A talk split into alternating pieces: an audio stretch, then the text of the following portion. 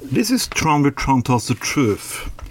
This week we have seen forests burning and billionaires going to space. Yes, billionaires who have enough money to can save the world 20 times and feed all the poor people in the world and stop climate change is now want to be ch- clapped on because they are going to fucking space. The planet is burning and they're looking for an escape route.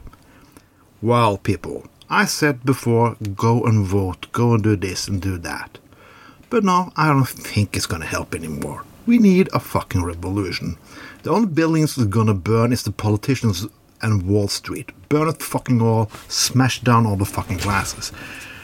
I do not cheer on fucking billionaires because they have, enough money to go to space. If they have enough money to go to fucking space, they have enough fucking money to pay their fucking taxes. No, I've said it before. I used to be young and angry. Now I'm fucking older and even more fucking angry than fucking ever. Because this has to fucking stop. We have delusion here in Norway too. European Union are putting uh, on the most ambitious climate plan ever. Ever. But what the Norwegians say? No, they are angry because cars with fossil fuels is going to be banned.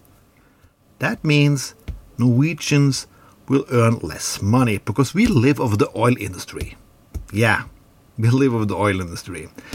So people here don't give a fuck if the planet is burning because it has to be something else. Yeah, in Norway they think like we can. An economist said like, our oil is going to help people go over to greener energy. No, it's not. We are pumping up oil so people are going to burn more oil and gas. How is fucking that can be used to be more environmental correct? No, it's not. We need a revolution everywhere, on every country, and every continent, and so fucking on and on and on. Wall Street is the fucking enemy. It is. But also, people in power are the enemy right now.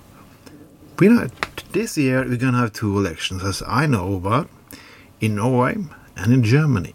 And things can change in Germany because people in Germany have to believe in science. Yeah, science. They had a, a counselor from the Conservatives who was a scientist, and she did some solution based on science, who other conservatives in Europe hate because reading books and based on facts, not fictions, seems to be conservative way of doing things. But we have it all over. Left and the right are in the same fucking mess.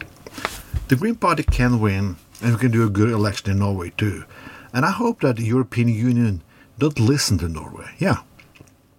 I have to say that. I hope that the European Union don't do what my country wants us to do. But again, oil is big fucking money. I want to see the oil companies poor. I want to see those people in employment lines begging for cash or sucking dicks for money or licking assholes and burning in hell by rimming the devil with Ronald Reagan. Oh, that was naughty, wasn't it? Yeah, you know that I don't like your fucking ex-president Ronald fucking Reagan. I hate that motherfucker. He can burn in hell. Eat Satan's shit.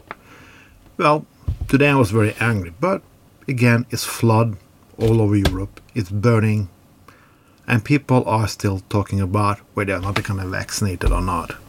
You know, people who are not are vaccinated. Can you go and live on your own place? Yeah. You don't want to get vaccines. Let's give a new state for you. Let's let's say you can have the state of Texas.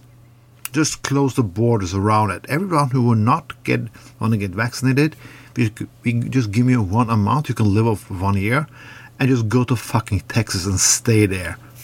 So maybe in two years' time, Texas is clear for all the stupidity in, in America and the world.